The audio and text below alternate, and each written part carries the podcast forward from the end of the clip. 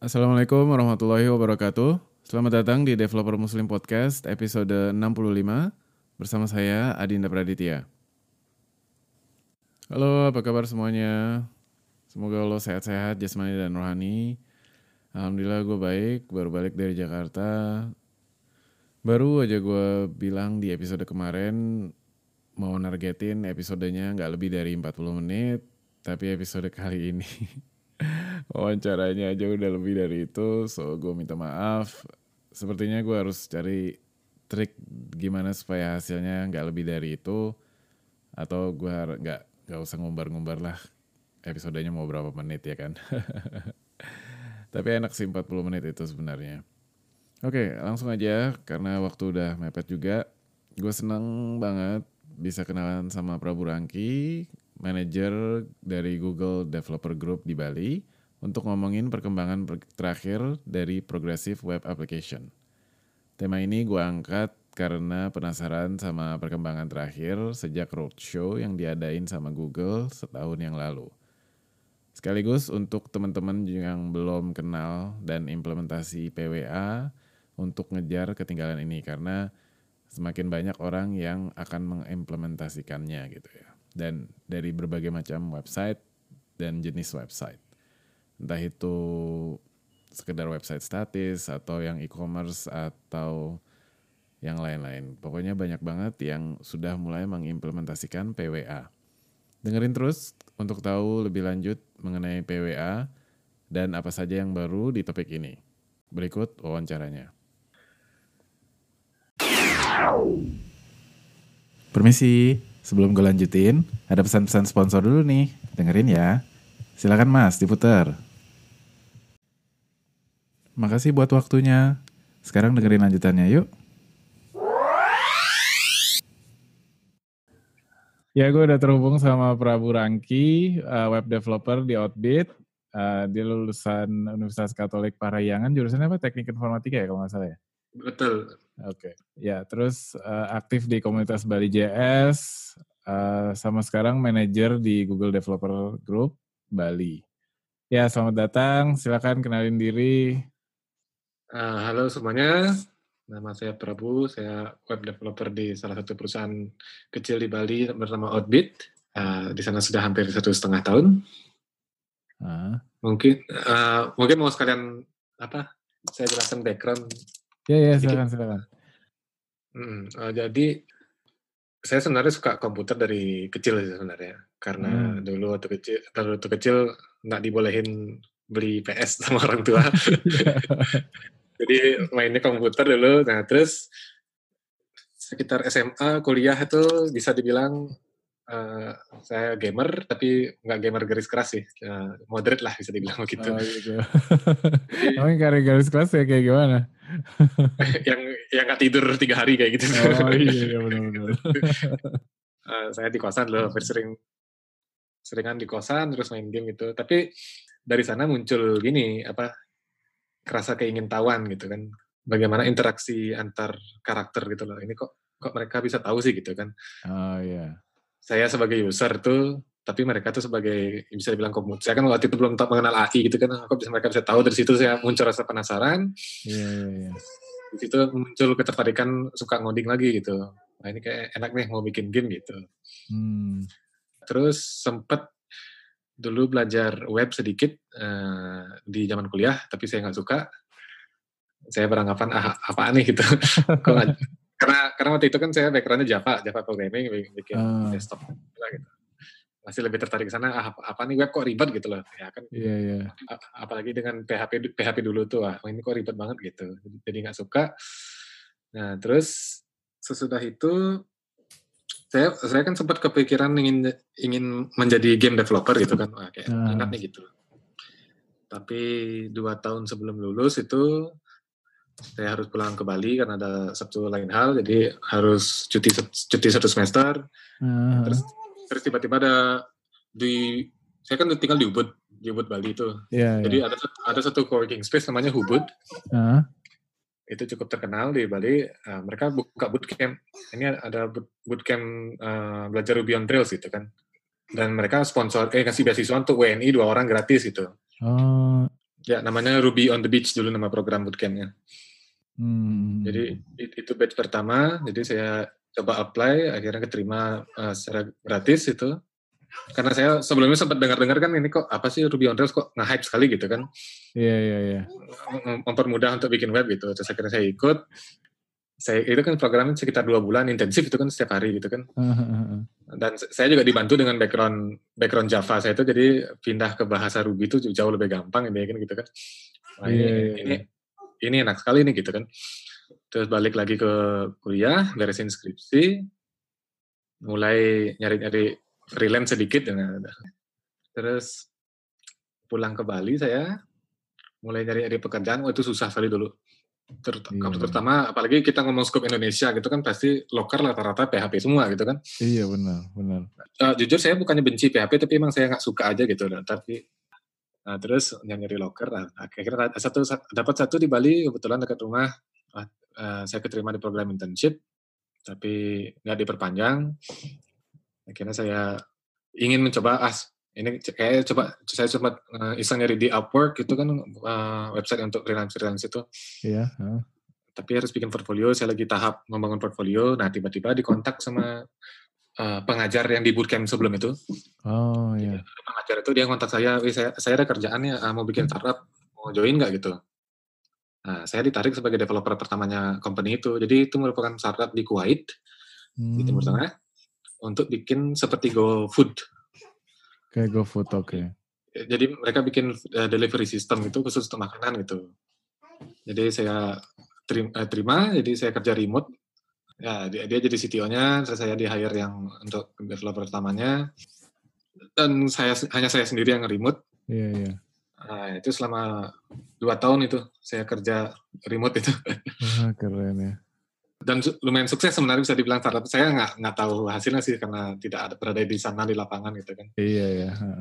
Cuma sudah men, sudah mencapai titik jenuh itu kan. Wah ini kerja sendirian terus di rumah nih membosankan juga gitu. Nah, terus saya resign dari sana, terus baru saya join Outbit karena saya pengen nyari suasana kantor itu kan. Iya, iya. Suasana karena kebetulan waktu itu di Outbit lagi katanya bakal ada project Ruby on Rails gitu. Ah, Oke, okay, saya saya ditarik diterima gitu. Hmm. Tapi setelah beberapa bulan, nah, si klien tak kunjung ada dealnya gitu. Ya saya jadi belajar Firebase banyak di sana karena kebetulan uh, yang punya Outbit itu mereka eh, dia Google Developer expert di dalam Firebase, jadi saya diajarin banyak tentang Firebase. Saya juga banyak meluangkan waktu belajar di segala macam front end framework gitu seperti begitu.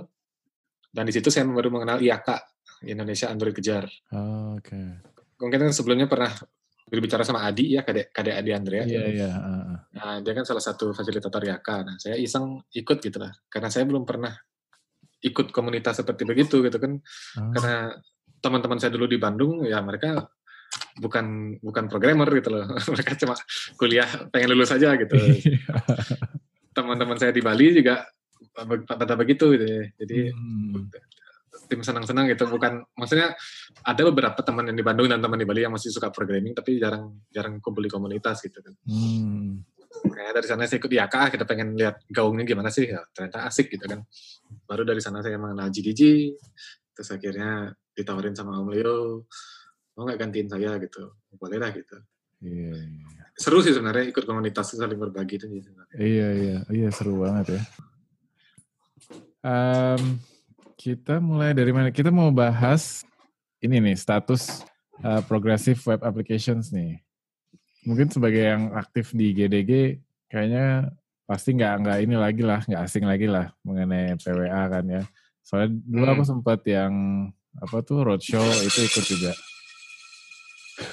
Yang di Singapura? Enggak, roadshow-nya malah yang di Jakarta. Uh, roadshow kebetulan setahun yang lalu kan, September ya kalau nggak salah ya. Ya, jadi kita mulai dari mana? Mungkin supaya menyamakan persepsi, mungkin kalau ada yang belum ngerti gitu, PWA itu apa gitu. Bisa jelasin nggak kira-kira apa sih PWA gitu? Halo? Ah ya, sorry. Uh, jadi kan PWA itu panjangannya Progressive Web Apps. Jadi ya.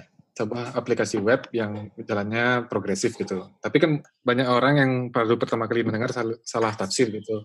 Sebenarnya PWA itu bukan software, bukan bisa bilang bukan tools cuma lebih seperti paradigma gitu lah mungkin bisa dibilang begitu. Uh, Eh, jadi sebuah status bagaimana cara membuat web aplikasi selayaknya sebuah aplikasi natif di HP gitu di smartphone gitu kan. Hmm. membuat sebuah aplikasi web gitu kan. Jadi semuanya serba web based gitu sebenarnya PWA itu gitu. Iya. ah jadi intinya fast itu kan jadi eh, sebuah page itu bisa di load dengan cepat sangat cepat sekali uh, dan juga eh, animasinya itu tidak ada nge-lag, jadi smooth. Perpindahan antar page itu sangat smooth. Jadi misalnya kalau di native app itu kan kita mau kena klik klik menu, klik ke mana gitu kan smooth sekali transisinya tuh. Nah itu yang sebenarnya di- di- di- ditargetkan di PWA atau juga yang sedang tes itu. Jadi nggak ada scrollingnya nggak patah-patah gitu kan. Nah terus Iya, iya. eh, ada ada juga teknik reliable, jadi bisa diandalkan. Salah satu contohnya tuh offline gitu. Jadi walaupun offline bisa bisa masih diakses, tapi tapi ini juga kadang-kadang orang-orang yang baru belajar pertama kali PWA tuh, wah ini harus offline-nya harus bagus, bukan selalu offline, tapi harus di 3G slow, di 2G juga itu masih masuk kategori harus reliable juga gitu kan. Iya. Iya. Dan jangankan begitu, misalnya kita sinyal kita 4G atau uh, 4G full misalnya gitu, tapi kita lagi berada di sebuah konser gitu misalnya kan, padahal itu ada istilahnya Li-Fi itu kan, padahal sinyal kita full tapi kok masih aja tetap lemot gitu koneksinya ya kan. Mungkin kita kan nggak tahu arah arah request kita bisa ke mana-mana responsnya itu bisa nggak nyampe-nyampe gitu kan. Iya, iya. tapi dengan bantuan reliable nih kita bisa memastikan dengan cepat dapat responsnya gitu. Bisa masih bisa dipakai app-nya. Terakhir itu ada engaging jadi engaging itu biasanya yang pertama tuh ada yang add to home screen. Nah, Iya. jadi user tuh sekarang bisa add to home screen ke HP mereka terus nanti bisa buka dari HP-nya langsung selayaknya sebuah nat- native app gitu. Tidak bukan sebuah browser lagi gitu. Dan juga sudah sup- sudah support notification. Jadi kan fungsi notifikasi kan untuk si user membuka kembali aplikasi aplikasi kita gitu. Makanya untuk meng-engage user gitu. Iya, iya, iya. Terus sekarang kalau misalnya ada orang nih yang baru tahu mengenai PWA, terus yang yang menarik apa gitu dan kenapa kayaknya banyak kayaknya arahnya kalau yang gue lihat gitu ya website-website ini akan eh, arahnya banyak yang bakal mengimplementasi eh, kriteria-kriteria lah gitu mungkin sebagian dari kriteria-kriteria PWA ini. mungkin bisa dibilang yang dicari itu kan dari segi bisnis itu user revenue ya mungkin istilah saya masih minim sih pengetahuan tentang bisnis cuma rata-rata kan orang ada target itu kan misalnya sebuah website saya ingin user udah datang terus dia beli sesuatu gitu kan nah itu kan ada lupa saya itu istilahnya apa tuh di, di- kalau di istilah analytics tuh. jadi kalau semakin besar tuh semakin bagus tapi kan itu didukung dengan experience. Jadi kalau experience dari sebuah web apps itu bagus, otomatis persenannya naik terus gitu dan nilai penjualannya jadi meningkat. Hmm, Ya experience dari app itu kan sangat membantu sekali. Jadi misalnya contoh kecil ada jual ada jual sepeda gitu kan. Iya. Jual, jual sepeda online ada dua website yang bisa memungkinkan kita untuk beli sepeda yang satunya contoh website A sangat lemot sekali, tapi website B sangat di, karena didukung PWA jadi sangat cepat, experience-nya bagus, otomatis orang bakal ke sini kan ke website B. Nah, yang punya website A ini menyadari wah ini kok kita agak lemah nih, wah, mungkin mungkin kita cari tahu ke website B ini, wah mereka pakai teknik apa sih? Oh ternyata salah satunya PWA gitu mungkin kan gitu. Ah, kita mulai implementasikannya gitu untuk Nah, untuk tetap berada di kompetisi itu gitu kan. Iya, iya. Terus berarti da- eh, nilai jualnya PWA ini letaknya di mana sebenarnya? Bisa dibilang paling besar tuh user experience sebenarnya. Hmm. Dan salah satunya lagi dari size of the app gitu kan. Jadi saya kadang-kadang sering mengatakan ini apa tuh PWA tuh sebenarnya in the future itu mematikan uh, anak-anak mobile dev gitu. Karena uh, hampir semua sudah hampir bisa dilakukan. kan. Nah, cuma sal- salah satu contohnya tuh saya dulu uh, pakai Twitter itu kan download via Play Store. Iya. Nah, semenjak adanya muncul PWA dari Twitter, itu dari Twitter itu yang sekitar 20 mega gitu saya hapus, install PWA-nya Twitter paling cuma ratusan kilobyte itu satu mega, itu kan sudah cukup sebuah perubahan yang sangat signifikan itu kan bisa Iya, iya. me- menghemat storage dari user gitu. Iya benar. Dan juga- Dan juga ada banyak-banyak teknik dalam PWA itu misalnya seperti kita tuh bisa tahu si user tuh misalnya dia ada, dia ada di koneksi 2G, kita tampilin gambar. Tapi kalau misalnya dia di 4G, kita bisa tampilin video gitu kan. Hmm. Atau misalnya dia di 2G, kita tampilkan gambar yang monokrom gitu kan. Jadi yeah. untuk untuk menghemat si user juga. Tapi usernya nggak tahu gitu, cuma kan secara psikologis bisa meningkatkan experience juga gitu kan. Iya yeah, iya. Yeah. Karena yang dicari itu kan fast-nya itu mereka kan pengen konten ya. Beda beda kita ngedesain web zaman dulu kan yang paling keren tuh yang yang ada animasi segala macam itu kan yeah. Yang aneh-aneh itu tapi sekarang kan orang nggak peduli itu orang peduli konten sekarang tuh gitu kan iya yeah. ada ada satu saya lupa, saya lupa ada satu hierarki apa tuh kayak piramida gitu kan kayak ada kayak di salah satu talk di Google I.O. kemarin tuh jadi yang paling penting dari user itu apa gitu yang konten tuh yang hampir paling atas gitu dan animasi yang kalian keren tuh bahkan paling bawah gitu hmm. user hmm. udah gak terlalu peduli dengan itu sekarang gitu iya yeah. Iya benar. Karena emang kayak misalnya kalau lagi koneksinya lagi cekak kan nyari informasi apa misalnya cari event gitu ini sebenarnya venue-nya di mana sih? gitu kan. Yang penting kan betul. kan teksnya itu gitu di ruang apa level berapa gitu kan. Betul betul. Bukan gambarnya gitu. Tapi ini kembali ke ke target user sih sebenarnya. Kalau kalau misalnya contoh di Indonesia sangat sangat diperhitungkan sekali karena uh, data kan kemarin menunjukkan hampir 50% mas user masih tidak ada di 2G gitu kan. Oh iya iya iya. Itu hampir, hampir cukup besar. Beda dengan saya dapat dengar di cerita di kalau di Korea di, Korea Selatan uh-huh. saya dapat dengar cerita tuh orang-orang tuh bahkan nggak peduli dengan PWA, udah install app saja orang koneksi kami di sini kencang kok gitu, jadi berapa gitu kan. jadi itu yeah, make, make sense sih sebenarnya masuk akal gitu kan. Yeah, tapi iya. kalau ya, ya, makanya tergantung target pasar kita cuma tapi kalau yang gitu-gitu kan cocok untuk misalnya yang di negara maju kan cocok untuk di subway gitu misalnya. Iya. Uh. Contohnya yang kemarin tuh saya dengar tuh di London jadi dia mau berangkat kantor terus dia mau dia pengennya setelah nyampe kantor tuh dia, dia mau pesan Starbucks gitu kan mau pesan kopi jadi dia buka buka PWA-nya tuh pesan eh tiba-tiba mereka udah masuk subway kan nggak ada koneksi tapi mereka dia masih bisa browsing gitu masih bisa browsing hmm. Masih bisa pilih menunya langsung bayar pun bisa nanti ketika dapat koneksi paymentnya dikirim ke servernya Starbucks nanti tinggal tunggu aja gitu deliverynya gitu hmm, keren ya jadi nggak mati gaya di dalam subway gitu.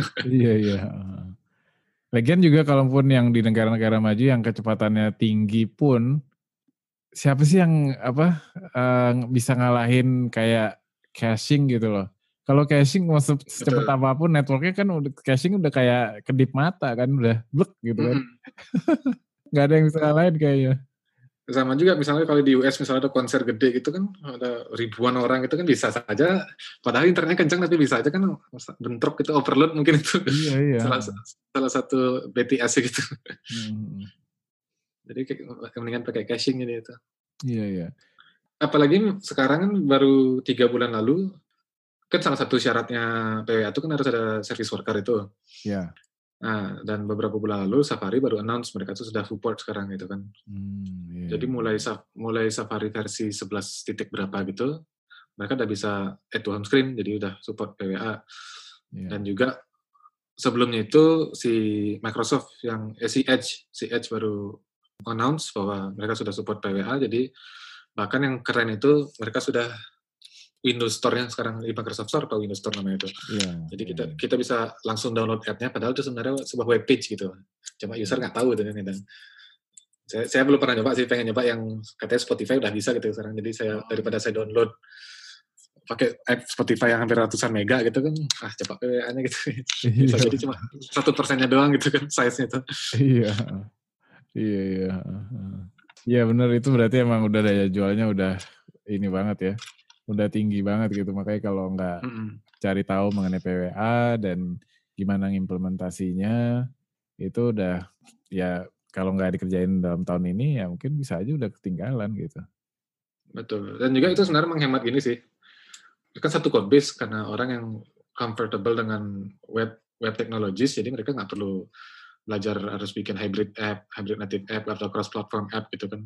Yeah. Udahlah bikin website biasa aja, cuma tinggal di convert ke PWA gitu. Terus kita nggak perlu bikin mobile apps-nya gitu, nggak perlu harus ribet apply ke Play Store, ke App Store gitu kan yang bisa memakan waktu beberapa hari gitu kan. Iya, iya, iya. Nah terus kalau misalnya untuk website yang udah jalan itu gimana jadi bikin PWA-nya tuh gimana? Apa redesign ulang atau gimana? Sebenarnya untuk nge-redesign sih nggak perlu gitu. Tergantung sih kalau misalnya website yang sudah jadi ini sudah terlihat bagus di di mobile gitu, misalnya misalnya sudah sudah responsif segala macam kan nggak ada perlu banyak perubahan. Cuma mereka tuh bisa sekarang ada satu, satu tools namanya Lighthouse mereka sendiri ada developer google.com ada sendiri namanya PWA checklist. Uh, uh. itu tapi itu kan cukup besar tuh ininya, uh, scope-nya tuh maksudnya cukup panjang daripada capek-capek baca satu-satu bisa dicoba pakai Lighthouse itu tools itu. Jadi Lighthouse yang ngeran nanti mereka bakal ngasih auditnya itu loh. Ini loh hasil website kalian sudah memenuhi kriteria PWA apa belum itu. Nanti dikasih tahu oh ini perbaikan ini, perbaikan ini. Nah, terus ada beberapa poin gitu. Wah, poin yang poin ini ini nggak bisa di nggak bisa kami kasih kasih reportnya kalian harus uh, tes manual gitu contohnya seperti apakah sudah responsif websitenya itu kan Lighthouse nggak bisa menilai gitu. oh, iya. Iya, iya. jadi jadi kita sendiri harus menilai ini sudah responsif apa belum gitu hmm. jadi sebenarnya cukup simpel sih untuk mengkonvert sebuah web yang sudah jadi itu menjadi sebuah PWA gitu hmm. itu Lighthouse itu ada di mana ada di browser atau download sendiri atau atau gimana jadi mereka tuh ada tiga, tiga cara. Yang pertama sudah terintegrasi di Chrome. Jadi kalau pakai uh, Google Chrome itu sudah ada di developer toolsnya, di dev toolsnya itu sudah terintegrasi, ada panel audit namanya. Yeah. Terus yang lainnya itu bisa sebagai uh, command line, jadi si, ada ada CLI toolnya CLI-nya, oh, dan, ada, iya. dan ada juga sebagai node module-nya. Jadi contohnya itu yang saya pakai sekarang itu untuk saya kan lagi nge-develop uh, websitenya GDG gitu. Iya. Yeah. Jadi setiap saya nge-push code itu, saya, suruh uh, toolsnya jalan, dan nanti di command line, nanti si Lighthouse akan ngebuka browser sendiri, namanya Head, Headless Chrome. Yeah. Ada tools Puppeteer juga namanya itu, jadi kalau dibuka, mereka bakal ngasih reportnya, terus nanti saya tinggal lihat hasil itu. Hmm. Dan, dan itu sebenarnya lebih, lebih cepat daripada DevTools sih. Jadi kayak apa unit test gitu ya? Betul ya, itu bisa dijalanin paralel barengan atau se secara serial secara setelah unit test. Gitu. Unit test sudah jalan semua, jalanin lighthouse gitu. Jadi misalnya suatu saat saya ngepush sesuatu tiba-tiba report lighthouse-nya menurun itu kan saya kan tahu wah ini ada yang salah di sini gitu. Iya, iya. Enak kok pakai yang di ya kan kalau saya jalankan manual dia lebih cepat daripada yang saya jalankan di browser itu. Hmm, iya iya. Nah itu nanti kasih report. Ya kan selain PWWA ada best practice, ada performance dikasih tahu juga gitu. Hmm. Dan juga ada SEO-nya, ada accessibility-nya sudah bagus apa belum gitu. Iya komplit lah ya. Meskipun emang nggak mentargetkan jadi PWA, kalau nilai-nilai yang lain-lain juga masih kurang ya kita juga harus uh, improve ya. Ya betul. Tapi itu sebuah apa tuh langkah yang pertama yang cukup mudah lah gitu. Misalnya bingung dari mana sih saya harus mulai, coba aja dulu jalanin lighthouse-nya. Dan itu kan ada beberapa pilihan, nggak usah dicentang semuanya, cukup dicentang yang bagian PWA aja gitu. Terus tinggal oh. lihat hasilnya bagaimana. Bisa diimprove dari sana gitu ya. Jadi dari listnya itu juga ada sub-sub list lagi ya? Kategorisasi Betul. gitu ya? Hmm. Nah, ini best practice-nya apa? Kira-kira masalahmu di mana gitu kan? Iya, iya. Terus, um, ya seingat gue dulu kan waktu roadshow Google ngadain apa ya? Oh ya mau ngadain lagi nggak kira-kira? Nggak ada informasi nggak? Saya kan dulu pas GDG baru mulai kan sekitar Oktober tahun lalu tuh. Iya. Sempat ditanyain tentang PWA, saya masih buta sekali. Wah ini PWA kayak masih baru nih loh. Terus saya coba-coba iseng nyari di websitenya, wah ini bakal ada roadshow nih gitu.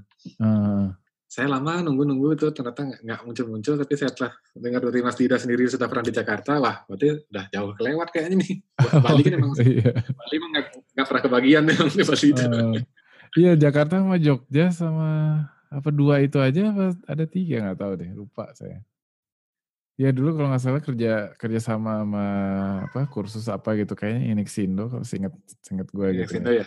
Uh, nah tapi sekarang mereka ada program baru jadi yang kemarin IAK itu Indonesia yang dikejar, uh-huh. eh, seperti bisa dibilang digantikan dalam tanda kutip eh, dengan namanya Google Developer Kejar gitu, hmm. JDK. Jadi mereka ada dua track, yang pertama itu Android, yang kedua mobile web spesialis gitu. Yeah. yang Android Track tuh ba- bikin aplikasi Android dengan Kotlin, yang mobile web specialist tuh bagaimana cara membuat website yang bagus di mobile ya. Bisa dibilang membuat sebuah PWA sih itu, bisa dibilang tuh. Hmm. Jadi itu ada workshop secara series itu ada pertemuan sekitar satu bulan dua kali nggak salah dengan para fasilitator itu. Hmm. Dan itu sudah ada di 10 kota termasuk Denpasar juga. Hmm, iya, iya, iya. Jadi Hmm. mungkin itu bisa dibilang dan itu juga sebenarnya dari Nixindo. Oh, Jadi- oke. Jadi Nixindo kerjasama dengan Google untuk bagian mobile web specialist-nya, terus decoding kerjasama dengan ya untuk decoding untuk bagian yang Kotlin itu. Oh, iya. Iya, iya, keren, keren, keren. Ya, terus sekarang gimana perkembangannya kayak tools-nya atau apa gitu yang baru gitu? Wah, sekarang sudah banyak sekali sih sebenarnya. Dan juga saya kan sebenarnya dari dulu dari awal tahun tuh pengen punya satu website untuk apa kayak main-main gitulah untuk playground gitu kan. Iya, iya. Nah, berhubungan sekarang saya bisa ikut untuk bikin websitenya GDG ya si GDG Bali ini saya jadikan playground itu untuk main-main PWA gitu kan. Hmm. Jadi saya integrasikan service worker, saya integrasikan uh, performance yang meningkat itu mencari animasi-animasi yang lagging tuh bisa saya cari telah dari sana. Hmm. Dan sekarang sudah banyak tools-tools yang sangat membantu gitu kan. Uh, memang sih contoh-contoh rata-rata mungkin orang yang kebingungan tuh berangkat dari mana tuh memang banyak contohnya masih pakai vanilla vanilla JS gitu kan untuk bikin Hmm. sebuah PWA atau itu sebenarnya nggak masalah sih bisa mulai dari sana gitu kan setidaknya kita masih paham itu apa saja yang diperlukan untuk membuat sebuah PWA gitu Ah, cuma sekarang sudah banyak seperti uh, React sekarang sudah out of the box terutama dengan CLI-nya Create React App itu mereka hmm. sudah su- ada support service worker jadi sudah langsung terintegrasi gitu dan juga si si Angular pasti udah otomatis itu juga sudah support. Dan terutama si Vue Vue.js ini yang cukup menarik karena saya sendiri makainya. Mereka Oh, kan punya mereka punya command line tool sendiri dan sudah terintegrasi dengan PWA-nya dan cukup sim, cukup mudah untuk ngejalaninnya gitu. Hmm. tapi yang official nggak bisa dibilang official sih cuma yang dipopulerkan sama Google tuh ada namanya PWA Starter Kit itu merupakan sebuah tools untuk get up and running uh, secara cepat itu membuat PWA tapi biasanya itu dengan Polymer 3 Oh, iya, iya, iya. dengan dengan bantuan Redux untuk state managementnya gitu Hmm. Ya itu yang udah pernah dicoba apa aja? Pakai Vue aja atau ada yang lain? React sudah sama Vue sudah cuma developer itu kan menulis service worker itu kan cukup bisa berakhir di spaghetti code karena terlalu panjang gitu kan salah satu contohnya kan ada salah satu strategi di service worker itu ketika kita mau request request sesuatu ke server kita bisa nyuruh si service worker itu untuk uh, ngelihat di cache dulu. Kalau di cache request sebelumnya sudah tersimpan Ya. udah udah kembalikan itu saja ke browser. Si user bisa melihatnya langsung cepat gitu kan. Di Ya. bawah satu detik itu langsung lihat. Nah sementara di background si service worker meng- membuat sebuah network request lagi ke server minta data-data terbaru terus disimpan di cache nah terus nanti ketika user itu user bisa dikasih tahu setelah berhasil itu eh, halo user ini ada konten terbaru mau di refresh nggak gitu ketika user nge-refresh lagi baru dapat konten yang terbaru gitu Iya. dan juga ada beberapa teknik si cache itu bisa kita bisa kasih expiration yang jadi dia cuma bisa bertahan satu jam atau satu hari gitu. Hmm. Nah, uh, poin saya itu kita membuat strategi itu bisa ham- hampir sekitar 100 line of code vanilla JavaScript Iya. tanpa tanpa tools apa apa gitu kan cukup cukup ribet gitu lah. Apalagi kita Hmm. mau menghandle banyak routes itu kan. Iya. nah, benar. yang dilakukan yang dilakukan React dulu itu mereka memakai SW precast sama SW plugin kalau nggak salah. Aha. Jadi emang emang khusus untuk menghandle service worker. Jadi ada ada dua library tersebut. Nah, cuma sudah sempat ada yang bikin issue sama pull request, udahlah kita pindah ke workbox saja gitu. Sekarang kan Google mengeluarkan sebuah tool namanya workbox untuk mempermudah bikin bikin service worker karena mereka menganggap uh, kasihan apa tuh mereka menganggap banyak developer kebingungan kenapa saya mesti perlu dua tools ini si SW precast sama plugin ini gitu Iya. udah, udah kita jadikan satu saja itu Nah, dengan workbox nah itu di saya nggak tahu sekarang di React posisinya sudah di di include apa belum di berikutnya cuma di Vue CLI Vue.js yang CLI itu sudah include workbox itu Hmm. Jadi- jadi cepat langsung langsung bisa dipakai gitu Iya, iya. Iya. Terus juga buat yang website kayak vanilla JavaScript atau kayak uh, website statis gitu kan. Mhm. Itu pakai workbox masih memungkinkan kan ya? Sangat memungkinkan karena workbox sendiri ada modul-modul yang itu kan hanya kita manggil script kayak CDN biasa saja, kita manggil scriptnya di background terus Iya. tinggal tinggal jalanin gitu. Yang diintegrasikan ke framework-framework zaman sekarang lebih banyak ke Webpack-nya sih. Ada Webpack plugin-nya. Oh, oke. Jadi kalau untuk native Java, apa vanilla JavaScript tinggal panggil scriptnya aja kita nggak nggak perlu bundle sistem gitu kan. Hmm. Oke. Terus Polymer gimana Polymer? Pernah pernah coba nggak pakai apa bikin PWA pakai Polymer? Dulu pernah kebetulan di akhir tahun 2017 tuh masih pakai Polymer 2 Iya. dan dengan bantuan Firebase. Jadi memang itu sangat dengan kemajuannya web komponen sekarang tuh sangat enak sekali ya. Jadi kita tinggal manggil terus udah jadi gitu. Iya. iya. Tapi Iya. kadang-kadang yang mau bingung nih ini datang dari mana sih nih gitu. Kadang-kadang ada penasaran itu. Nah cuma di awal tahun ke- eh, tahun ini saya kan kurang serak dengan HTML import dan juga Bower. Iya. Dengar-dengar si Polymer 3 mau pindah semuanya ke NPM gitu kan. Gitu, mau Hmm. pindah sama NPM, saya tungguin kan, kok nak nak nak nak pindah-pindah ini kelamaan akhirnya saya akhirnya saya pindah ke React ya waktu itu jadi yang gitu. Oh iya iya. Dan dan Iya. dan juga karena apa komunitas yang nggak nggak segede React React dulu kan jadi kan agak susah kalau kita mau troubleshooting itu kan ini cara Iya. kerjanya gimana sih sebenarnya Hmm. gitu. Tapi sekarang mereka sudah baru announce yang ketiga gitu. Pengen coba lagi sih. Kalau ada waktu waktu I.O. di dirilisnya waktu kapan? Iya betul pas I, pas IO kemarin itu. Hmm. tiga bulan lalu tuh. Jadi mereka sudah announce Polymer 3 dan sekaligus mereka announce apa tuh PWA Starter Kit itu. Yang di upgrade itu ya, di di update pakai Poly- Polymer 3 ya. Hmm, jadi orang kalau Hmm. mau bikin PWA langsung itu dan enaknya kan langsung ada Redux-nya gitu. Jadi orang yang sudah familiar dengan React sama Redux pakai PWA Starter Kit nggak nggak masalah sebenarnya gitu. Hmm. Iya karena udah udah tahu konsepnya ya. Mm-mm. State management itu seperti apa sih gitu. Dan kenapa itu penting di sebuah SPA gitu. Iya iya. Iya sih. Eh, terus sekarang yang untuk yang apa kayak GDG Bali atau website-website yang yang lo urus itu udah mengarah ke PWA atau udah udah selesai PWA-nya atau gimana? Sebenarnya belum sih. Nah, yang saya urus sekarang tuh masih GDG aja sih. Yang kalau yang di kantor masih belum mengarah ke sana. Hmm. Terus notifikasi juga lagi mau saya coba implementasikan karena notifikasi kan cukup penting di dalam sebuah PWA itu dan juga cara mengengage user itu loh. Iya. Nah kemarin ada pembahasan menarik dengan teman-teman lain gitu. Jadi bagaimana cara membuat notifikasi yang ba- baik gitu kan. Contohnya bisa dibilang, bisa dibilang Twitter gitu kan. Di Twitter tuh misalnya kita ke bagian profile kita, Ah, terus nanti ada nanti ada bagian notifikasi itu tinggal dicentang gitu kan. Nah, ket- ketika itu kita switch misal atau atau kita klik itu nanti di Twitter bakal ngomong eh, nanti di allow ya permission itu. Jadi kan enak Hmm. gitu loh. Kita Iya, iya. berinteraksi berkomunikasi dengan user tuh ini ini jangan diblok ya gitu. Iya. Dan juga kan setelah mereka kalau mereka ngeblok secara tidak sengaja mereka kan harus cari tahu harus, harus googling sendiri gitu loh. Ini saya cara unblock. Sebenarnya masih bisa di unblock gitu, cuma kan agak ribet sedikit. Iya. Cuma ketika mereka sudah allow permission itu, mereka bisa unsub- un- matikan notifikasi masih memungkinkan, cuma nggak perlu minta permission, permission lagi, permissionnya cuma sekali saja, dan mereka cuma mereka tinggal bisa matikan, hidupkan, matikan, hidupkan lagi notifikasinya sesuka hati mereka gitu. Hmm. Jadi di di setting aplikasinya ya. Betul di setting ya, di setting web nya gitu kan. Iya iya. Kita bisa kita bisa kasih pilihan ketika mereka uncheck itu, ya udah berarti dia lagi nggak subscribe gitu. Tapi ketika mereka hidupkan lagi, nggak perlu nggak perlu minta permission lagi karena sebelumnya sudah di accept gitu. Iya. Iya.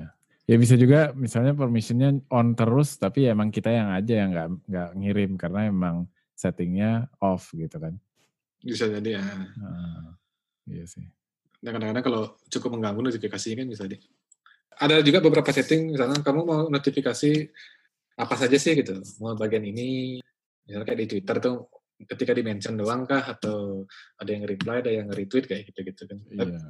Tapi itu belum saya sih belum lihat apa tuh fitur seperti itu di Twitter, cuma uh, maksudnya di PWA-nya. Cuma kan itu ada uh, bisa sangat memungkinkan terjadi kita tuh hanya mau notifikasi bagian-bagian apa saja gitu. Iya, iya benar. Um, jadi kalau misalnya yang belum tahu uh, PWA mungkin contoh terbaiknya masih Twitter ya? Bisa dibilang begitu. Hmm. Contoh lain itu misalnya tuh di Instagram. Oh. Jadi kalau ini salah satu contoh yang dari segi yang belum sempat dibahas ya. Jadi misalnya di Instagram itu yang ini bukan app-nya tapi di websitenya di, uh. di mobile ketika kita mengupload sebuah foto yang sudah diambil atau ngambil dari galeri misalnya itu kita uh. mau upload kita koneksi kita gagal eh, jelek atau offline hmm. si Instagram tuh bakal ngasih seperti snack bar pop up kecil gitu loh uh, kamu sepertinya sekarang lagi offline tapi jangan khawatir kami akan upload ketika kamu kembali online gitu Hmm. Jadi jadi kita tinggal lock HP-nya nggak usah nggak usah nggak usah dibiarkan hidup gitu kita tahu kita bisa buka aplikasi lain nanti ketika online tuh Instagram akan eh, mengupload sendiri di background itu dan kita akan kasih notifikasi. Atau misalnya nggak perlu kasih notifikasi nggak masalah gitu yeah, tapi iya. misalnya kalau kita kalau memang perlu banget ngasih notifikasi bisa bisa juga uh, fotomu sudah berhasil diupload misalnya contoh seperti begitu nah itu salah satu teknik PWA juga itu karena itu memakai hmm, iya. powernya hmm. eh memakai fiturnya service worker gitu kan iya yeah, dia iya. berjalan di background gitu uh. terus juga gue mau ngingetin kalau misalnya lo dengerin ini terus bingung gitu ya yang jadi yang kita maksud PWA Twitter ya mobile.twitter.com lo buka aja di browser nanti at home screen bisa atau nanti mungkin ada promnya untuk Instagram juga gitu langsung aja ke instagram.com nanti ya udah kalau emang browser lo support PWA dan sekarang ini udah lumayan banyak supportnya, ya udah gitu. Uh, lo akan mengalami sendiri make PWA gitu. Cukup dengan uh, apa URL itu aja gitu kan. Hmm. Jadi itu yang apa daya jual juga salah satu daya jual dari PWA. Sementara kalau misalnya apa native ya kan, tadi seperti yang udah dijelasin juga, ya si developernya harus submit ke apa Play Store atau App Store. Eh, kalau misalnya dari sisi user juga harus nginstallnya dari situ gitu. Sementara kalau PWA ya udah cukup linknya aja diklik udah udah bisa terinstall gitu. Dan sepertinya sepertinya Babe juga sudah super kalau nggak salah deh. Oh iya Babe ya. Baca berita itu ya. Uh. Sebenarnya ada satu ada satu link yang bagus. Dia ada sebuah kayak bisa dibilang bukan marketplace apa tuh kayak ngasih showcase showcase oh, ini lo directory ini directory gitu ya ya ya bisa ah, directory gitu directory untuk semua web web yang sudah support PWA namanya appsco.pe appsco.pe jadi ini semacam directory di mana contoh-contoh aplikasi yang menggunakan PWA gitu oh, mulai iya. dari mulai dari traveling sosial games pun ada juga gitu Iya, iya. Oh, ada Duolingo gitu segala ya. Hmm, ya. Keren, keren, keren. Saya kemarin sempat nyoba yang games-games itu tapi di desktop nggak nggak guna sih karena susah gitu. Jadi oh. lebih lebih lebih enak buka dari HP kalau mau buka yang coba-coba yang games itu kan kan yeah. ada fitur-fitur yang swipe yang kayak gitu-gitu tuh kan. Hmm. Pakai mouse kan agak susah dia gitu. Iya. Iya. Terus mungkin juga jaraknya jadi agak jauh ya. Iya. Uh tapi ini menarik sebenarnya ini kan sekedar nyari inspirasi misalnya gitu atau apa yang bisa dilakukan gitu kan hmm. Iya meskipun kadang juga meskipun kayak website statis yang uh, mungkin ibaratnya apa ya profile aja gitu ya kayak misalnya about page atau misalnya contact us itu juga sebenarnya udah eh, nggak uh, ada salahnya untuk dijadikan PWA misalnya kayak kita ngadain acara gitu kan Terus ya kayak event itu. Iya, kan itu sebenarnya bisa di cache gitu dan kalau misalnya website statis kan secara umum lebih mudah lah untuk di di cache gitu kan. Betul. Cuman kalau nggak ada internet ya misalnya usernya ke klik refresh atau apa ya udah blank aja itu browsernya kan. Hmm. Iya. Bisa daripada kita nampilin si dinosaurus itu kan. Iya. Iya, jadi ya sebenarnya sih emang gak ada alasan lah untuk menyuekin, cuh, apa ya istilahnya? Dihiraukan. Mengacuhkan ya, mengacuhkan. Iya, mengacuhkan. Menghiraukan, ah. iya, iya. Iya. Oke deh, terus ada lagi nggak nih yang belum dibahas yang mungkin kayaknya perlu jadi perhatian gitu? Ada sih satu sebenarnya. Developer sekarang mau pertimbangkan saya mau bikin PWA daripada saya bikin native app, mending saya bikin PWA. Tapi perlu di perlu diperhatikan gitu kan. Uh, kamu tuh mau bikin uh, web apa dulu gitu, fitur-fiturnya apa. Nah sebenarnya ada satu referensi namanya What Web Can Do Today gitu. Nah, oh. Di sini ada list-listnya di web tuh sekarang sudah bisa apa sih gitu. Seperti dulu kan belum bisa support uh, notifikasi gitu kan. Jadi, yeah, yeah. oh udahlah saya terpaksa harus bikin native app aja gitu. Nah sekarang sudah support. Nah tapi misalnya ah, saya, ah, saya mau uh, bisa baca NFC gitu kan. Uh, ah, NFC mungkin ada yang support mungkin enggak gitu kan. Iya yeah, iya. Yeah. Iya, terus sekarang payment juga udah bisa gitu kan? Nah, payment udah bisa sekarang kan oh, berani saya bikin, bikin PWA nih gitu. Jadi kan tergantung kebutuhan dari apa yang produk itu mau mau dibikin seperti apa gitu. Hmm. Cuma sebagian besar sudah sudah support sih gitu. Terutama Safari dengan Edge itu. Hmm. Iya keren keren. Sebenarnya untuk untuk mulai bisa mulai dari yang paling bagus tuh di developers.google.com situ. Uh, yang getting started apa sih? Iya, si getting started sih dari PWN itu. Hmm itu sudah cukup sangat membantu gitu untuk memahami konsepnya gitu atau mungkin kalau misalnya tertarik dengan belajar melalui video di Udacity juga ada course yang free kok itu untuk bikin sebuah site PWA. Oh ada di Udacity ya? Iya. Oke. Okay. Ada ini nggak yang secara khusus ada atau emang cuma satu yang di Udacity? Intro to Progressive Web Apps itu ada kok satu tuh. Hmm. Secara garis besar aja. Ah, oke. Okay. Lebih ke lebih ke service worker sama manifesto JSON itu karena kan itu sebenarnya yang penting itu dari Iya. Yeah. dari PWA itu. Iya, iya.